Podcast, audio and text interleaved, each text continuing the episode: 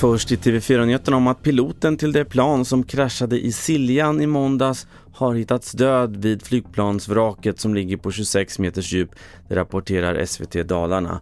Mannen uppges vara i 20-årsåldern. I måndags påträffades även en 60-årig man som senare avled av sina skador. Flygplanet var USA-registrerat och passagerarna tyska medborgare. I Afghanistan har kvinnor och flickor förlorat många av sina mänskliga rättigheter sedan talibanerna tog över makten för snart ett år sedan. Ja, det konstaterar en ny FN-rapport. Talibanerna kräver bland annat att kvinnor täcker allt utom ögonen i det offentliga och kvinnor får inte gå i skolan efter sjätte klass. Och sist, fotbolls-EM.